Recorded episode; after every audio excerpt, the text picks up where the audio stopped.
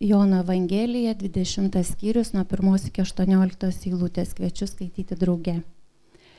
Pirmąją savaitės dieną, labai anksti, dar neišaušus, Marija Magdalietė atėjo prie kapo ir pamatė, kad akmuo nuo kapo nuristas.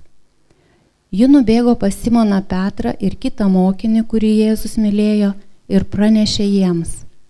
Paėmė viešpatį iš kapo ir nežinome, kur jį padėjo. Petras ir tas kitas mokinys nuskubėjo prie kapo. Bėgo abu kartu, bet tasai kitas mokinys pralenkė Petrą ir pirmas pasiekė kapą. Pasilenkęs jis pamatė numestas drobulės, tačiau į vidų nėjo. Netrukus iš paskos atbėgo ir Simonas Petras.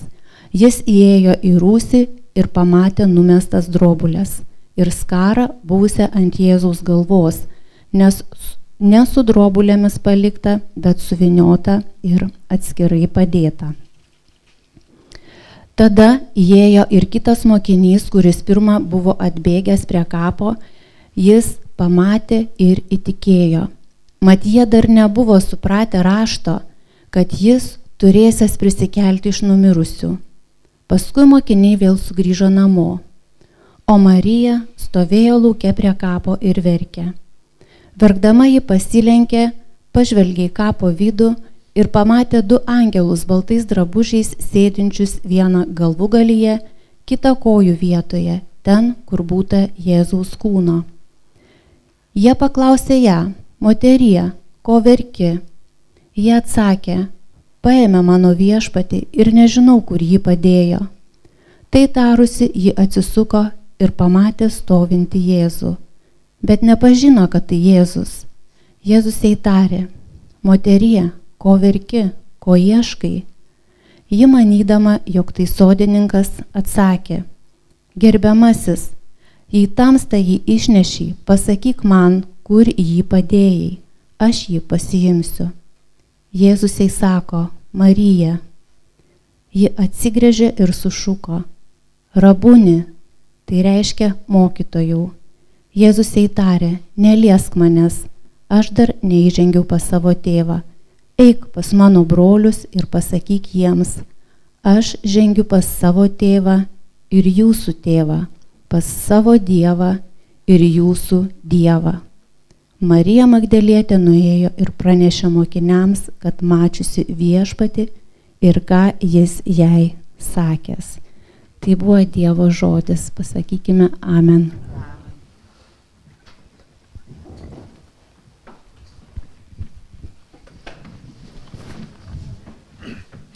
Trumpai pasimelskime, dangiškasis tėve, mes melžiame, kad šį Velykų rytą mums atvertum savo į žodį, kad padėtum suprasti tavo valią, kad tavo žodis pasiektų mūsų protus, mūsų širdis, kad keistų mūsų gyvenimus ir kad mes iš ties panašėtumėm į tave, kad tavo žodis darytų savo darbą mūsų širdyse ir kad mes iš ties būtumėm palaiminti tuo palaiminimu, kurį tu per Kristų mums atnešiai. To prašom per Kristų ir sakome Amen. Prisėskit, broliai seserys. Būkite pasveikinti visi, kurie atėjote į mūsų bažnyčią. Labai smagu kiekvieną iš jūsų matyti. Taip džiugu, kad galime kartu švęsti Kristaus prisikelimą ir, ir džiaugtis tą malonę, kurią viešpas mums yra davęs. Prisikelimas, tuščias kapas Tai prisikelimo pergalė, tai, uh, tai krikščioniška viltis, tai, tai žinia, tai, tai pokytis žmonijos istorijoje. Štai krikščioniška vilti, viltis uh, visa, visam pasauliui, vargų, beprasmybės, nepastovumui ir praeinančiam pasauliu pasmerktam, pasmerktai žmonijai, tai vilties žinia kapas, į kurį buvo paguldytas Kristus, kapas, kuris buvo tuščias prieš Kristų paguldą, niekas nebuvo dar jame laidotas, buvo už, užpildytas Kristaus kūnų penktadienio vakarą ir štai pirmąją savaitės dieną jisai tuščias. Atpirkėjo kapas yra tuščias, tai viltie žinia.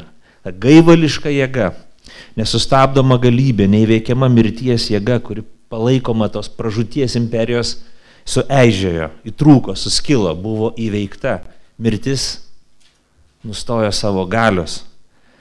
Kristaus prisikėlimas yra Dievo pergalė, Kristaus prisikėlimas yra teisumo, išganimo, tuo pačiu metu ir visų mūsų pergalė. Nes Jėzus prisikėlė ir suteikė viltį mums visiems, kad mes turime galimybę, turime šansą būti prikelti, kaip ir jis yra prikeltas. Jei kapas Kristaus nesulaikė, jei Kristus gyvas, tuomet ir mes per Kristų, per tikėjimą, per atgailą, per klusnumą Kristui, per viešpaties sėkimą, kai mes pavedam savo gyvenimą jam, vieninteliam Dievui, tikram karaliui, vieninteliam atpirkėjui ir viešpačiui, mes įgauname tą viltį, kai mes pavedam jam gyvenimą, mes įgauname tą viltį, kad mūsų gyvenimas nėra, nesibaigs tik tai šituo gyvenimu ir šitą regimybę. Jis pralėkė greitai, kaip akimirka, kaip kelios akimirkos, bet Evangelija mums žada ir kalba apie tai, kad mes turime gyvenimą po fizinės mirties, kad mes turime apsaugą nuo dvasinės mirties. Mirtis nebeturi mums galios tokios, kokią ji turi tiems žmonėms, kurie neturi Kristaus. Kristaus prisikėlimas nauja epocha, naujas laikotarpis. Yra įvykiai žmonijos istorija iki Kristaus prisikėlimo ir po jo. Tai naujas amžius.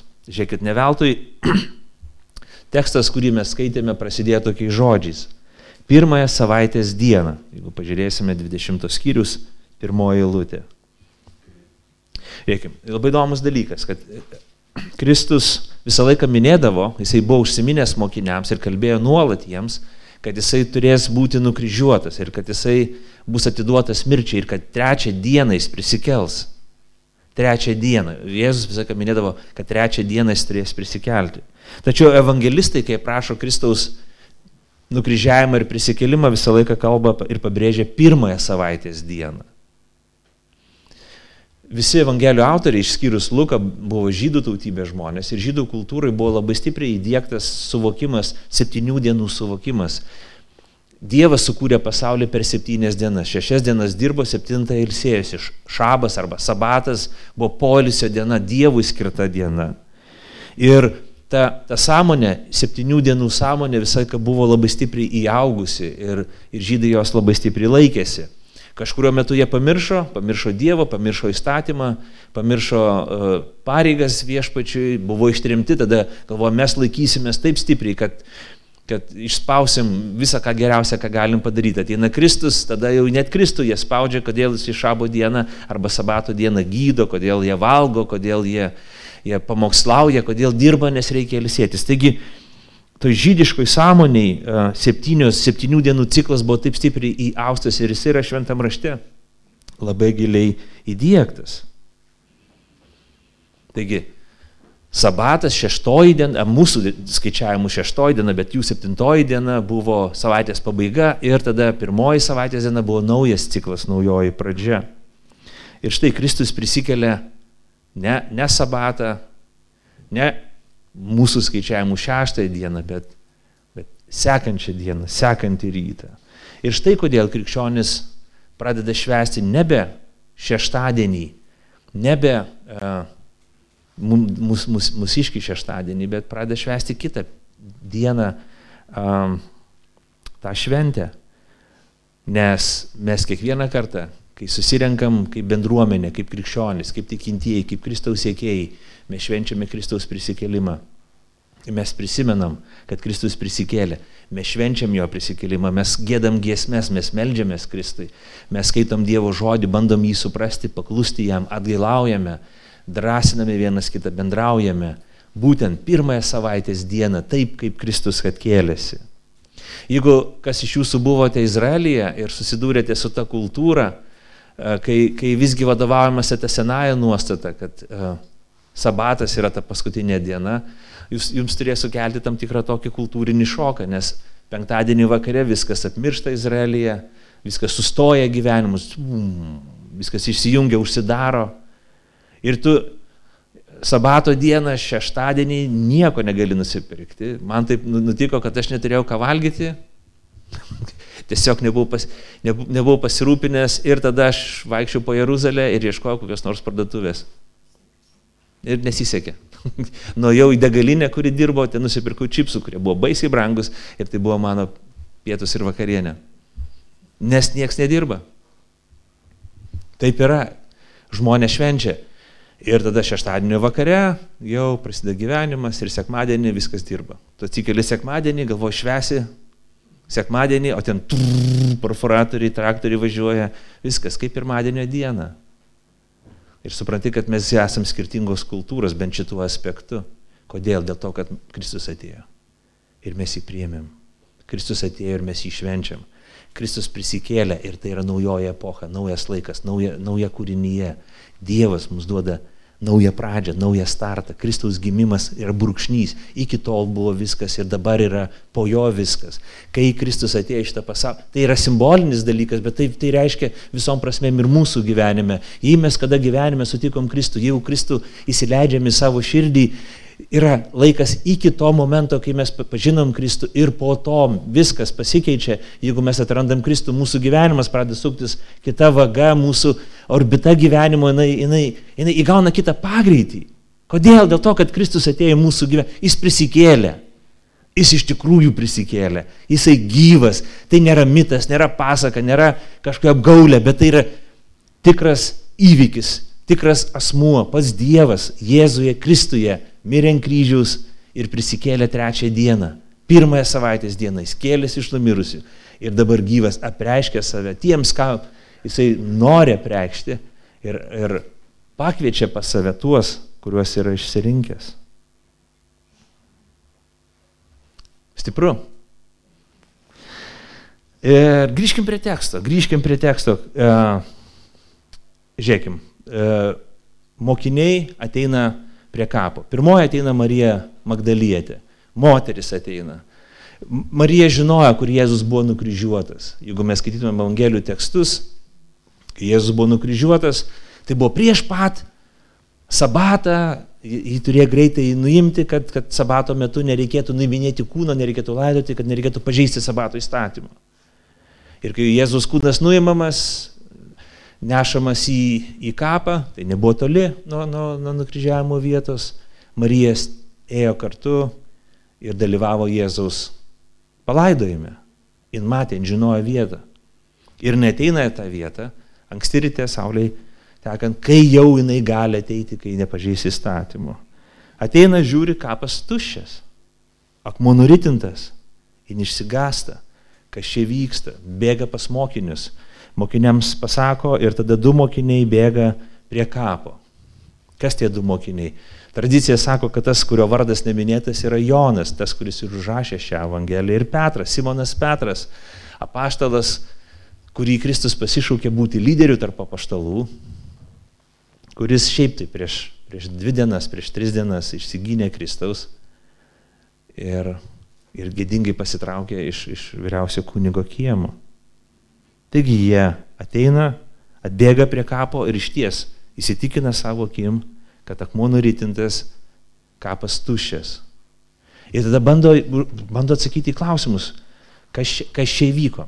Tuometiniai kultūrai, kaip ir dabar, kaip ir dabartiniai kultūrai, pas mus šiek tiek skirtingi kapai, mes, pas mus kapai mes leidžiam viską į žemę, o tuo metu žmonės į, į olą iškrisdavo olą ir tenai gulydavo savo mirusiuosius.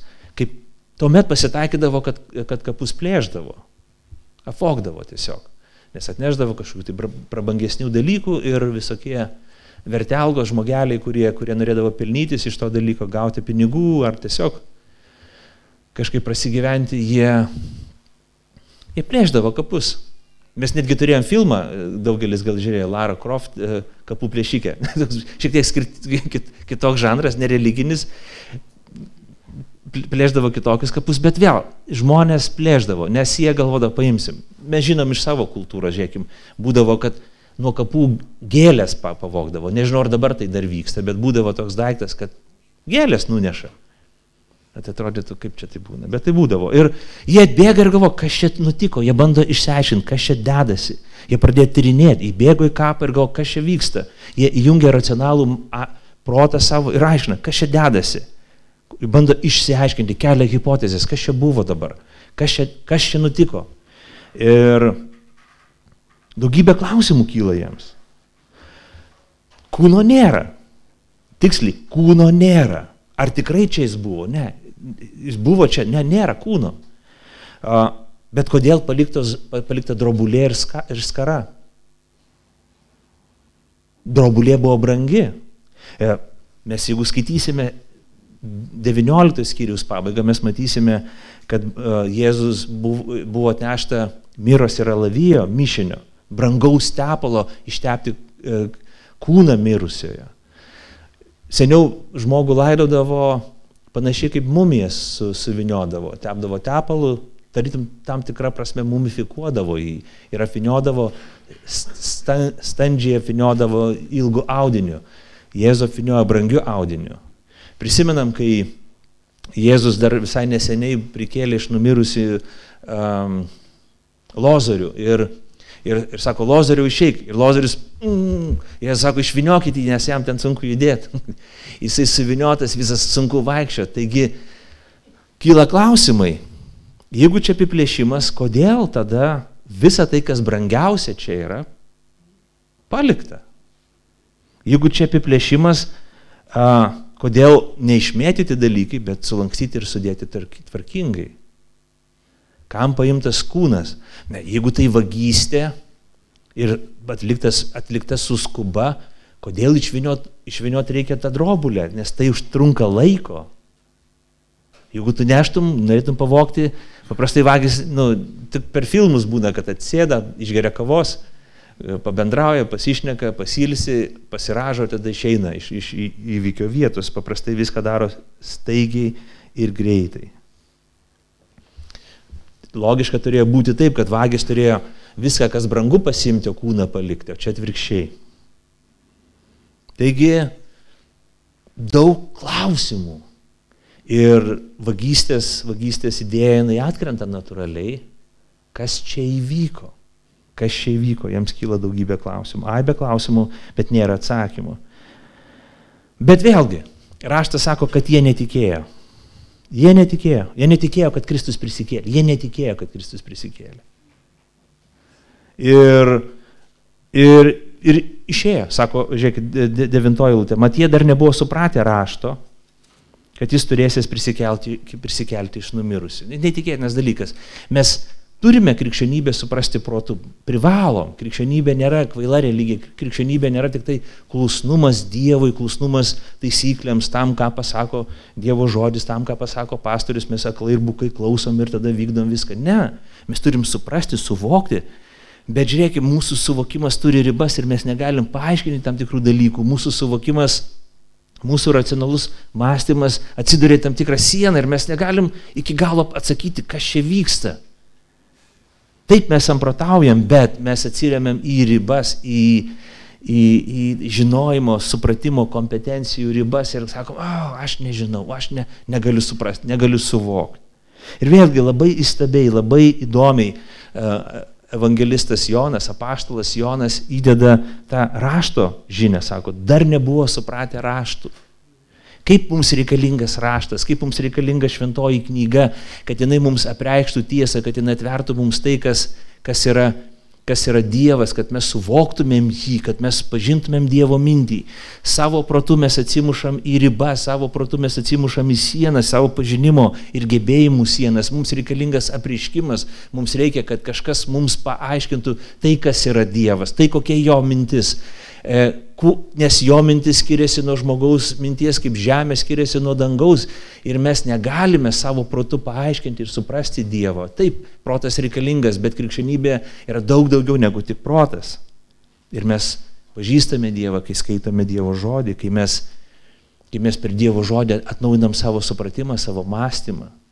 Dievo žodis, Dievo žodžiu nepagrystas tikėjimas yra prietaringas intuityvus, mes jaučiam, mes nujaučiam, mes sukuriam savo prasme, savo dalykus, bet jokių būdų mes netrasim biblinio Dievo. Dėl to dešimtoji eilutė sako, kad apaštalai grįžo namo. Jie grįžo namo. Tas faktas, kad jie nerado Kristaus kūno, neįtikino jų ir viskas liko taip, kaip buvę, jie grįžo namo. Bet ne Marija.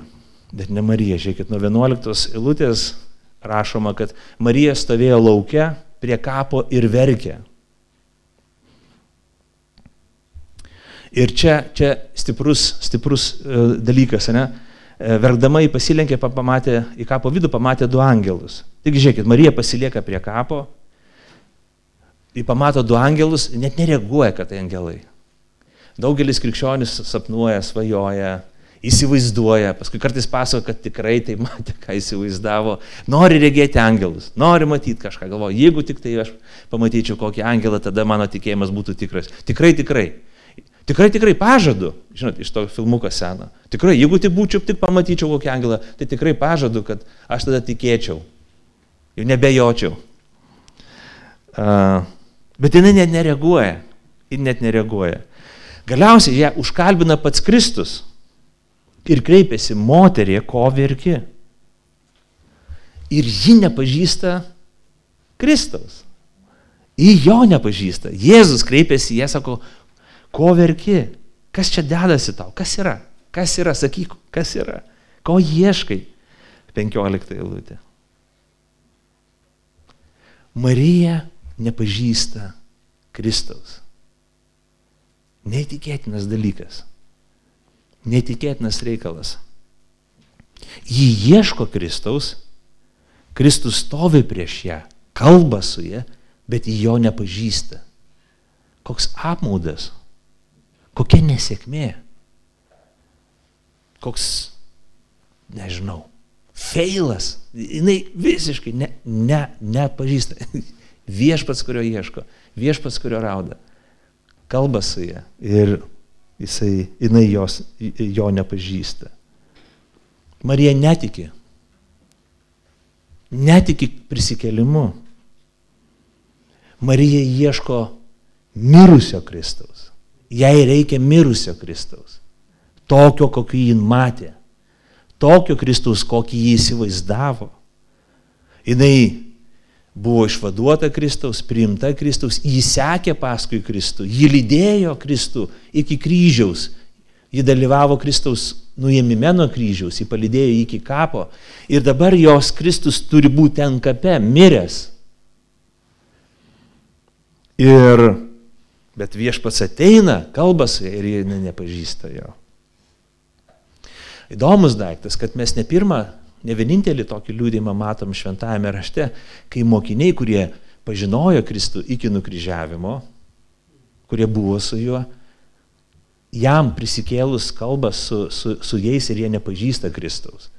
Du mokiniai pakeliu į Emausą eina aptarinėja įvykius, Jėzus prisertina prie jų, kalbasi su jais ir jie taip sako, tu ką, tu nežinai, kas čia buvo, nu tai karočia čia va, buvo taip ir taip, mes čia tikėjomės, čia, žinai, buvo visokių pažadų, lūkesčių ir taip toliau, va, nukryžiavo ir viso.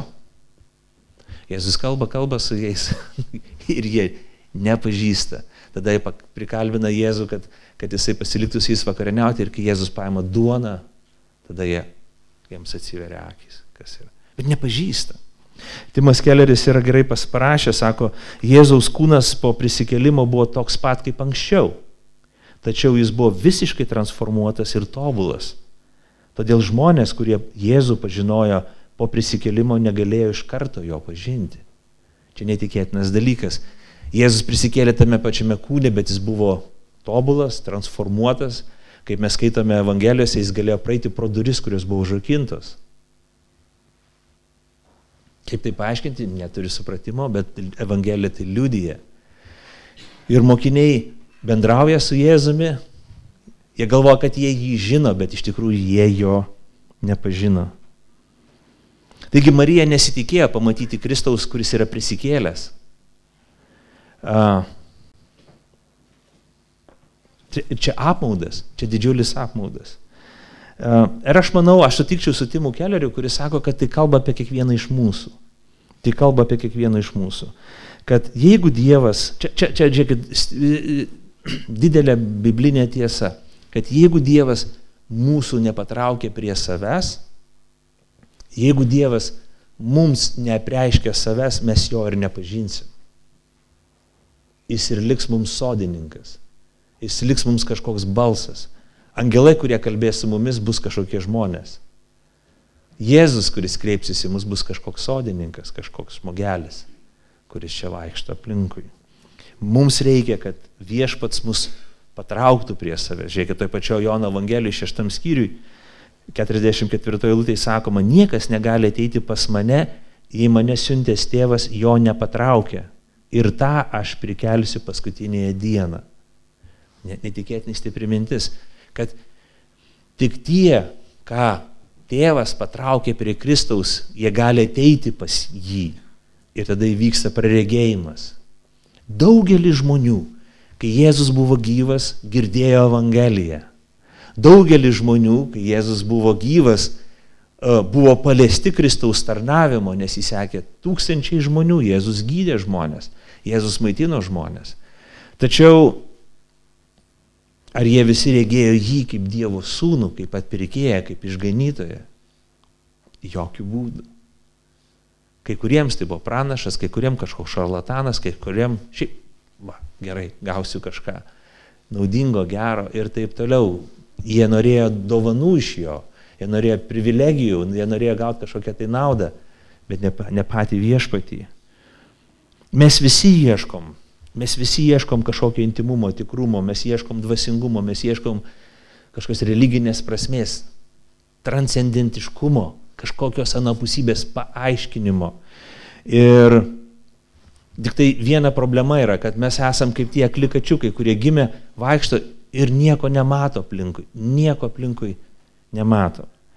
Ir kai mes apčiopomis padarom kažkokias išvadas, jos visą laiką bus klaidingos, visą laiką bus neteisingos, visą laiką bus pro šalį, niekada nepataikysim į, į šimtuką, niekada nepataikysim į taikinį ten, kur turėtumėm padaryti, niekada neprimsim teisingos išvados. Marija, Marija tikėjosi kitokio Kristaus, kitokio išvadavimo, kitokios karalystės, kitokio finalo, kitokio gelbėtojo ir mesijo. Ir jos viltis dužo. Kristus buvo nukryžiuotas, jis mirė ir kas jai beliko tik miręs kūnas. Ir to jį ieškojo. Nors jį patyrė, nors jinai išgyveno Dievo atleidimą, išgyveno Kristaus prieimimą, jinai sekė paskui jį, bet kai jis apsireiškė, nepažino.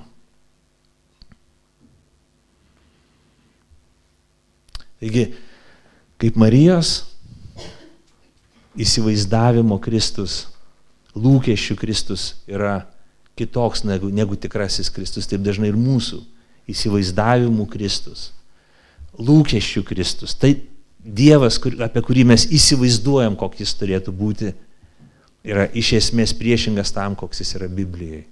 Ir kai savo samprotavimais mes bandom suklijuoti kažkokią tai Dievo mozaiką, jin gaunasi karikatūra, jin gaunasi priešybė ta, tam, koks yra Dievas savy iš esmės. Jis yra kitoks. Taigi tai buvo ne, ne tik su Marija, bet taip yra su kiekvienu iš mūsų. Mes ieškom Dievo savo pastangom, bet negalim jo atrasti. Mes susirandame Dievą mažąją raidę, bet nebūtinai Ir tikrai ne, jis nėra Biblijos Dievas. Didžiąją raitę. Iki tol, kol jis pats mums savęs nepreiškia.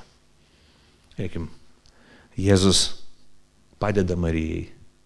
Jėzus kreipiasi į ją 16 eilutį. Jėzus sako jai, Marija.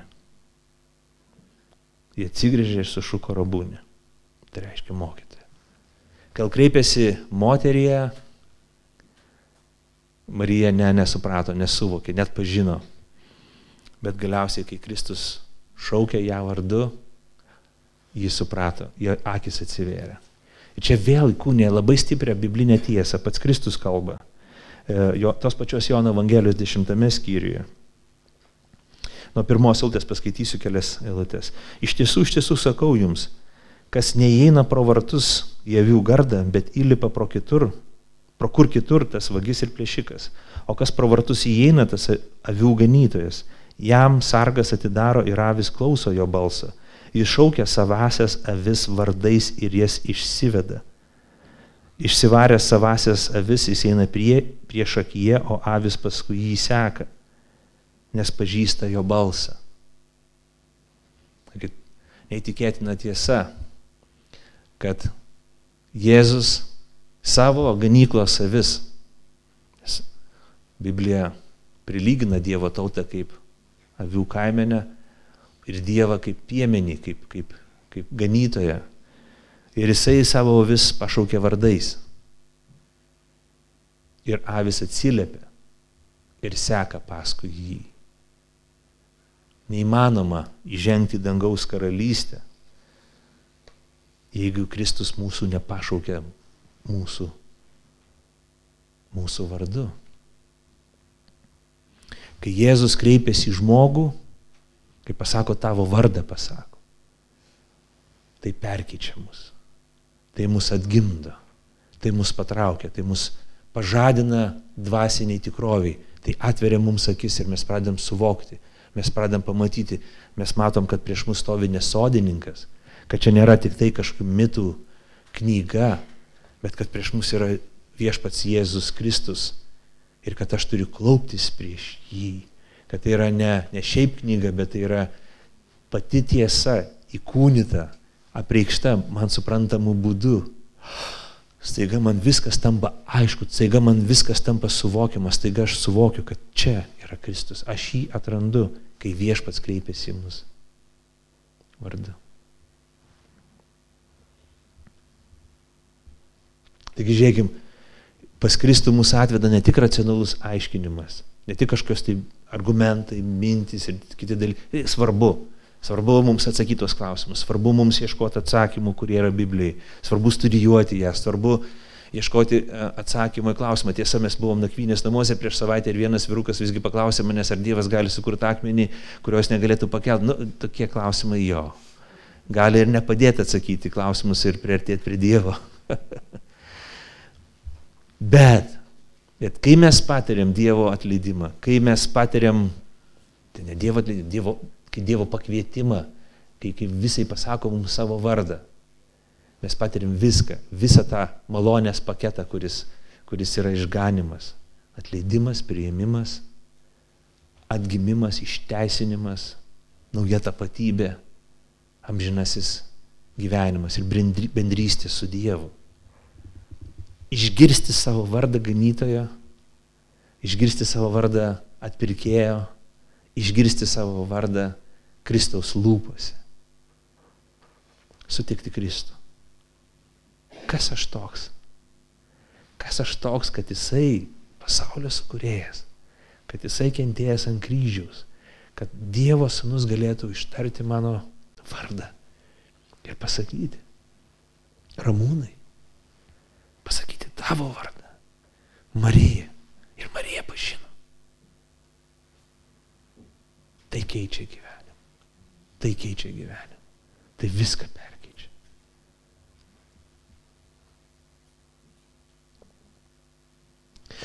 Labai įdomi ta reakcija, kaip Marija sureaguoja, kai jinai pamatė Kristų. Jėzus sako, uh, kurį čia eilutė, nebematau, 17 eilutė, sako, Jėzus tarė, neliesk manęs. Matyt, Marija sureagavo instinktyviai, jinai ieško, ieško materytė pasimetusi, negali atrasti kažkokie čia du žmoga, žmogai stovi, čia kažkoks e, sodininkas pasako taip toliau ir saigant pamato, jis gyka, gyvas, jis nemiręs. Neįtikėtina, neįtikėtina, ingriebė jį griebė su tokia instinktyvia jėga. Žinot tą pojūtį, kai jūs pamatot kažką, galbūt išgelbėt kažką, kas kendo ar, ar puolė į gatvę, pamatėt mylimą į savo, kurio, kurio nematėte, nežinau, belenkiek laiko ir kai norit griebtą žmogų ir tiesiog jį sutraiškit gerąją prasme savo glėbį, nebepaleisiu niekada, viso, viskas, viskas. Jūs karštai bučiuojate tą žmogų, sakot, vi, viskas, Viskas, aš nebe, nebenoriu, kad, kad daugiau kada tu nuo manęs pasitrauktum, nebenoriu tos agonijos, aš noriu būti su tavim. Viskas, visą laiką. Žinot tą, tą, tą patyrimą. Ir jie sako, neliesk manęs. Viešpatė, taigi čiagi natūrali reakcija. Kodėlgi Jėzus leido kitiems apaštalams prisiliesti prie jo? Tomui leido net pirštą į, į, įleisti į žaizdų vietas. Tom pačiam skyriui parašyta. Tomo ir Marijos prisilietimas buvo skirtingas. Marija norėjo pasigriepti jį. Jis galvoja, aš dabar jį turėjau, viso, dabar jau man taip nebebus niekad, kad jau jį paimtų nuo manęs. Jis norėjo savintis Kristų, pasimti jį. Ir galvoja, o, vat, vat viskas, dabar tai jau karalystė, nu, viskas, mano gyvenimas dabar atgavo prasme. Pririšti prie savęs Dievą, Kristų. Eik, daugelis iš mūsų mes dažnai svajojam, daug krikščionių tai svajoja. Ir man tenka bendrauti, aš patyręs ir pats tas mintis savy, kai mes galvojam, o, kad aš galėčiau būti ten, kur buvo Kristus. O, kad aš galėčiau gyventi tuomet, kai gyveno Kristus. Kad aš galėčiau girdėti savo ausimis tai, ką jis kalba, jo balso tembrą. Nu, gali būti, kad nieko, ne, ne, jeigu tu kalbų gerai nemoki mokytis, tai gali būti, kad nieko nesuprastum tiesiog, nes jis kalbėjo ramėjiškai. Štai kodėl mums reikia mokytis kalbas, užsienio kalbas. Greičiausiai nieko nesuprastum, bet nu, mes įsivaizduojam, kad mes suprastum, nes galvom, kad jisai lietuviškai kalbėjo, ar bent jau angliškai ar rusiškai, nu vis tiek kažkokia suprantama mums kalba. Nu, tarkim, mes net ir suprantama ramėjų kalbą, bet mes galvojam, o aš noriu būti šalia, aš norėčiau žiūrėti jam į akis, žiūrėti, žiūrėti išgirsti iš jo lūpų ba, savo vardą, kaip norėčiau valgyti kartu su juo, kaip norėčiau eiti su juo, kaip norėčiau prisiliesti prie Kristus, kaip norėčiau būti jo apkabintas, kaip norėčiau būti jo apglėptas, kaip norėčiau prisiglausti prie jo, kaip norėčiau būti jo pabučiuotas. Ir Marijai ir mums skamba tie patys Kristaus žodžiai, neliesk manęs. Ne, ne, ne, ne, ne. Tau geriau, jums geriau, jog aš išeisiu. Vėl toje pačioje Evangelijoje 16 skyriui 7 eilutė sako, bet jums sakau tiesą, jums geriau kad aš išeinu, nes jei neišeičiau, pas jūs neteitų godėjas, o nuėjęs į jį jums atsiųsiu. Jis sako, ne, ne, mano misija čia, šitoje žemėje yra trumpa, labai trumpa. Ir jos tikslas, kad aš būčiau čia, išsirinkčiau žmonės, mokyčiau, mirčiau ant kryžiaus, prisikelčiau, tuomet grįžčiau pas tėvą ir tuomet išsipildytų tai, dėl ko aš atėjau kad ateitų šventoji dvasia, godėjas, kuris pasiliks su jumis visą laiką per amžius. Štai koks tikslas. Neliesk manęs, nesulaikyk manęs, nebesvaig, nebesvajok šitų dalykų. Ne, ne, ne, ne, ne, ne. Jūs turite šventą dvasę. Jeigu aš pašaukiau, jeigu Kristus pašaukė mus savo vardu, jis mums siuntė šventą dvasę. Kaip mes galime suprasti, kad Jėzus Kristus yra viešpats, kad jis prisikėlęs iš numirusių? Niekaip kitaip, kaip tik šventosios dvasios pagalba. Šventoji dvasia mums apreiškia, atveria mums tiesą ir mes pradėm suvokti, kad Jėzus Kristus yra prisikėlęs, tai šventosios dvasios darbas mumyse. Šventoji dvasia, godėjas, pasilieka su mumis.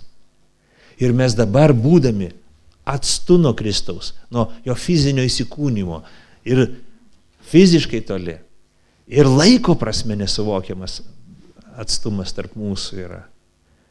Bet mes galime patirti tą intimų bendravimą su Kristumi. Dėka šventosios dvasios, buvimo mumyse, veikimo mumyse. Tikėjimas yra racionalus ir protingas, bet tikėjimas yra lygiai taip pat ir patyrimas. Mes galime patirti ir išgyventi Dievo prisilietimą bendrauti su Kristumi, skaitant jo žodį, Dievo žodį, meldžiantis, gėdant giesmes, atliekant tai, ką daro bažnyčia paprastai ir be jokio patoso. Bet mes išgyvename kažkokį vidinį intimumą. Mes žinome, kad tie žodžiai nėra tik ritualai, kad mūsų maldos nėra tik tai kažkoks fizinis veiksmas ir kalbėjimas, bet egzistuoja tas, su kuriuo mes kalbame. Mūsų apima pojūtis, gal ne kiekvieną kartą, kai mes melžiamės, gal ne kiekvieną kartą, kai gėdame giesmes, Gal ne kiekvieną kartą, kai mes mastome apie kryžių, kai atgailaujame, mūsų apima gilus pojūtis, kad Jėzus Kristus savo šventosios dvasios veikimu jisai mus apglėbė, kad jis mus guodžia, kad jis leidžia mums padėti savo galvą ant jo pėties, kad jis mus pabučiuoja, kad jis mus drąsina, kad jis veikia mūsų gyvenime.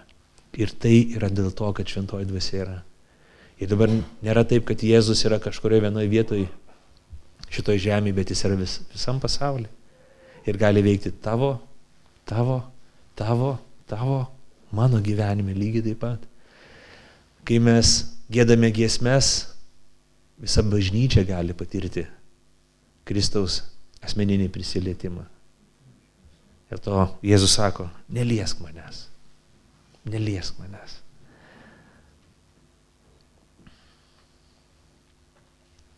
Visgi labai įdomus dalykas, aš jau visai į pabaigą judu, labai įdomus dalykas. Devintoji lūtė, dar, aštuntoji lūtė, atsiprašau, grįžkime į, į, dar, dar, dar į mūsų istorijos vidurį. Kai atbėga du apaštalai, du mokiniai atbėga ir, ir tas jaunesnis Jonas atbėga greičiau. Galbūt jis ansvario neturėjo, dažniau bėgiodavo ir buvo labiau atletiškas. Čia aišku priminimas man, kad aš turėčiau susimti šiek tiek. Bet Petras paskui irgi atsirepečkuoja ir, ir, ir atbėga prie kapo. Ir, bet Jonas neina į kapą. Jis leidžia Petrui pirmam įeiti. Petras į, sunkiai alsuodamas įbėga, žiūri, dairosi ir paskui įeina, kaip sakoma, e, eilutėse. Tada jie ir kitas mokinys, kuris pirmas buvo atbėgęs prie kapo. Ir žiūrėkime, įdomus daiktas. Sako, jis pamatė ir įtikėjo. Mes, kai skaitome Evangelijų pabaigas, mes matome, kad tas įtikėjimas yra kartais jisai tokiais etapais yra ir kiekvieno žmogaus skirtingais, skir, skirtingas dalykas, kartais jie gali būti ne vienas tas įtikėjimas ir pamatymas, ne?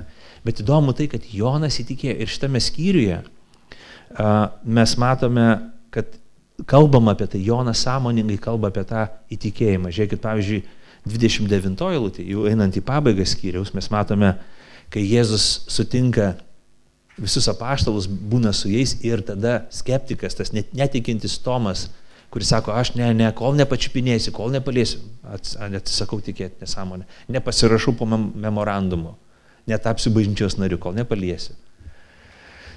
Ir Jėzus jam tarė, Tomai, tu įtikėjai, nes mane pamatėjai, palaiminti, kurie tiki nematė. Čia, čia įdomus dalykas, kad Jonas įėjęs į kapą, nepalietęs Kristaus, neišgirdęs Jėzaus balso, nepačiupinėjęs jo kūno ir nematęs jo žaizdų, jis patikėjo. Jis patikėjo, čia ne vagystė. Čia ne vagystė. Čia ne vagystė. Čia ne vagystė. Jis Taigi Evangelija mus drąsina sekti Jono pavyzdžiu. Tikėti liūdimu, tikėti pasakojimu, tikėti Evangelijos žodžiu, kai skelbiamas Evangelijos žodis, kai skaitom Evangelijos žinę, kai klausom, kai mums skelbiama, tiesiog patikėti tą žinę. O taip, tai tiesa, atsiliepti ją. Marijos Magdalietės gyvenimas pasikeitė. Marijos Magdalietės gyvenimas pasikeitė, pasikeitė kai pirmą kartą sutiko Kristų. Pradėjo sekti paskui jį, tai buvo visas kelionės pradžia su Kristumi. Bet kai sutiko prikeltą iš numirusių Kristų, tas gyvenimas absoliučiai pasikeitė. Jono gyvenimas pasikeitė, kai jisai sutiko Kristų, kai jisai įtikėjo jį prisikėlus iš mirties. Petro gyvenimas buvo perkeistas. Jis gavo atleidimą iš Dievo. Taigi, jų nuodėmės atleistos, jų praeitis, praeities nuodėmės, išsižadėjimas, neištikimybė kvailumas, nebranda, viskas buvo atpirkta. Jų dviejonės buvo išgydytos. Jie sutiko Kristų. Jie sutiko Kristų. Kristaus sutikimas, kai mes sutinkam Kristų, kai mes išgirstam Evangeliją, kai mes atsiliepiam, aš tikiu. Kristau, aš tikiu. Tai keičia mūsų gyvenimus. Tai įveda mus į naują gyvenimą. Tai pirmoji diena, savaitės pirmoji diena. Ateina į mūsų gyvenimą. Mes pradame švęsti Kristaus prisikėlimą, mes pradame švęsti naują gyvenimą su Kristu. Atsiliepkime Evangelijos žodį. Artinkime prie viešpaties, išpažinkime savo tikėjimą į Kristų. Te mūsų, kiekvieno iš mūsų čia esančių žmonių gyvenimai patirs Kristaus atpirkimą ir bus perkeisti. Pakilkime maldai.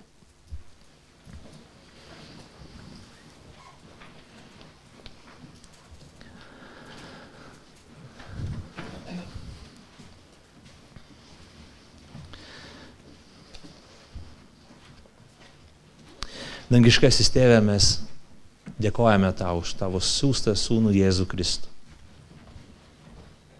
Dėkojam tau Dievę už tai, kad jis mirė ant kryžiaus už viso pasaulio ir už mūsų nuodėmės. Kad jis kaip Dievo vinėlis buvo paukotas už mano, už esančių mano brolių ir seserų ir už viso pasaulio padarytas nuodėmės.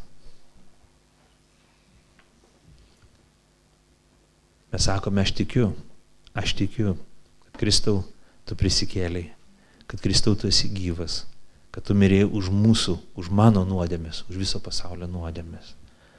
Išpažįstu tau, kad esi nusidėlis. Išpažįstu, kad nusižengiu tiesai, sąžiniai ir tau Dieve. Apvalyk mano širdį, atgimdyk mano dvasę, prikelk mane naujam gyvenimui. Viešpatie, patrauk prie savęs, atverk man akis, kad aš regėčiau, atverk man ausis, kad aš girdėčiau, perkeis mano širdį, kad aš mylėčiau Dievę.